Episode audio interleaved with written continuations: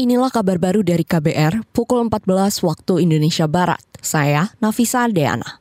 Lembaga Kajian Ekonomi Indef mendorong pemerintah lebih proaktif melakukan pendampingan UMKM, utamanya dalam proses digitalisasi berusaha. Wakil Direktur Indef Eko Listianto menilai digitalisasi bagi UMKM kini merupakan sebuah keharusan sebab hal itu dapat menjadi penunjang keberlanjutan usaha kalau ke depan ya pemerintah harusnya juga punya cara begitu ya untuk bisa memfeeding ya bagaimana tren perilaku dan selera konsumen di loka pasar ya di marketplace sehingga nanti UMKM adaptif mereka jadi tahu oh harusnya saya jualannya ini ini produk yang lagi laku di UMKM eh, di loka pasar ini begitu dan lain-lain ya. Nah itu akan sangat bermanfaat buat mereka ya tidak hanya kita melatih tapi juga memberikan informasi sehingga lebih uh, simetri begitu.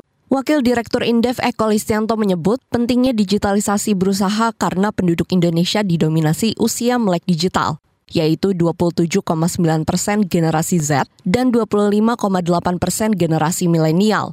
Eko mengatakan menurut riset dari Indef, 98 persen toko di loka pasar atau marketplace Indonesia didominasi UMKM. Namun yang menjadi tantangan adalah didominasi UMKM penjual bukan produksi.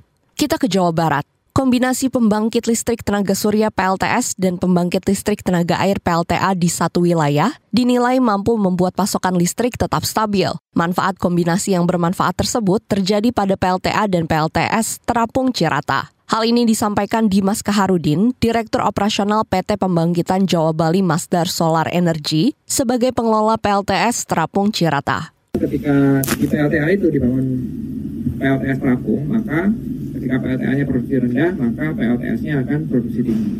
Dan sebaliknya, ketika musim hujan, ketika PLTA turun, tapi PLTA-nya produksinya menjadi naik. Sehingga apa pun itu musim panas, musim hujan, dua-duanya adalah uh, bermanfaat jika kita memiliki kombinasi antara PLTA dan PLTS. Dimas Kaharudin menilai PLTS terapung di Cirata bisa menciptakan tren energi terbarukan yang juga bisa mendorong upaya Indonesia mencapai nol emisi karbon. Menurutnya, potensi PLTS terapung di laut sangat besar karena Indonesia memiliki lautan yang luas. Kita ke mancanegara.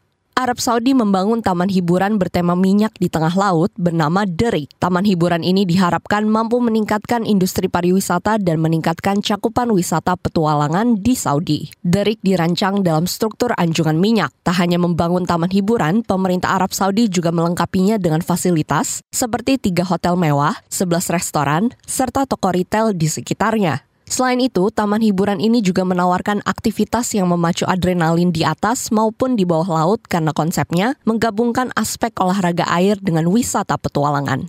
Demikian kabar baru dari KBR, saya Nafisa Deana.